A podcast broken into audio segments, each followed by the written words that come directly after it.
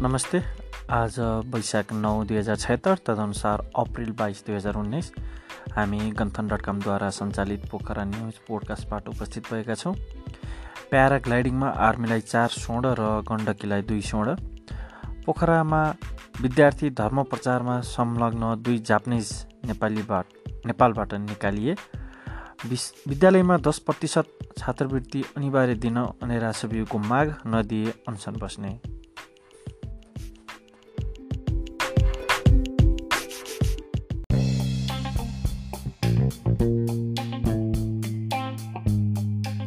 आठौँ राष्ट्रिय खेलकुद अन्तर्गत आइतबार भएको महिला भलिबलको खेलमा सहजता पार्दै एपिएफ र गण्डकी नम् प्रदेश प्रदेश नम्बर तिन सेमी फाइनलमा प्रवेश गरेका छन्।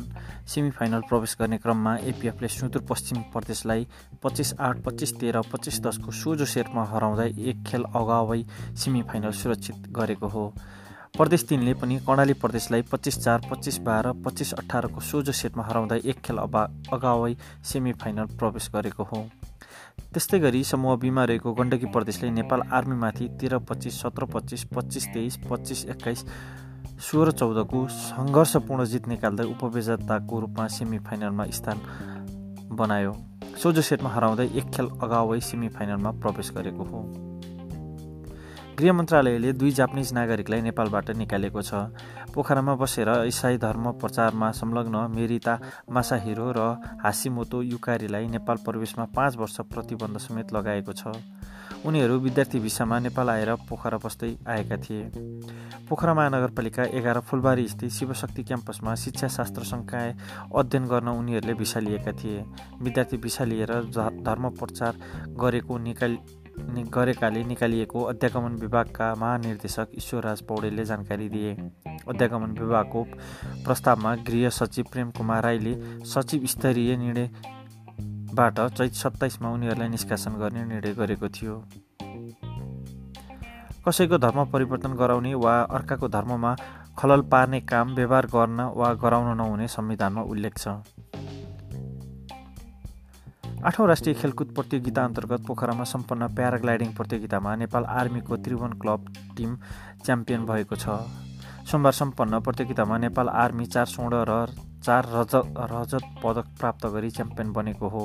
त्यस्तै गरी गण्डकी प्रदेश दुई स्वर्ण एक रजत र चार काँस्य पदक हात पार्दै दोस्रो स्थान ओगटेको छ भने प्रदेश नम्बर एक एक रजत एक काँस्य पदकका साथ तेस्रो र प्रदेश तिन एक काँस्य पदकका साथ चौथो भएको छ। हामीले प्या पोखरामा भएको उक्त प्याराग्लाइडिङ प्रतियोगिताको भिडियो हाम्रो वेबसाइट गन्थन डट कम र हाम्रो युट्युब च्यानलमा पनि प्रकाशित गरेका छौँ। हेर्नुहोला। निजी विद्यालयले सामाजिक उत्तरदायित्व अन्तर्गत छा छात्रवृत्ति वितरण गर्नुपर्ने नगरिएकाले नगरिएको भन्दै पोखरामा महानगरपालिकाको ध्यान आकर्षण गराइएको छ। अखिल नेपाल स्वतन्त्र विद्यार्थी युनियन भूगोल जिल्ला कमिटी कास्कीले पोखरा महानगरपालिकाका मेयर मानबहादुर जीसीलाई ज्ञापन पत्र मार्फत ध्यान आकर्षण गराएको हो। शैक्षिक सत्र सुरु भएपछि अनिवार्य वितरण गरिनुपर्ने छात्रवृत्ति बाह अनेक बाहनामा टार्दै आइरहेकोले महानगरलाई झकझकाएको भूगोल कमिटी कास्कीका अध्यक्षले बताए। यस वर्षदेखि लागू नभए महानगर गेटमै अनसन तयारी रहेको समेत अध्यक्षले बताए। अध्यक्ष गौतमसहित पाँचजना विद्यार्थी नेता छात्रवृत्ति लागू गराई अटेर गर्ने स्कुललाई कारवाहीको माग राख्दै अनसन बस्ने तयारी गरेको जानकारी दिएको छ।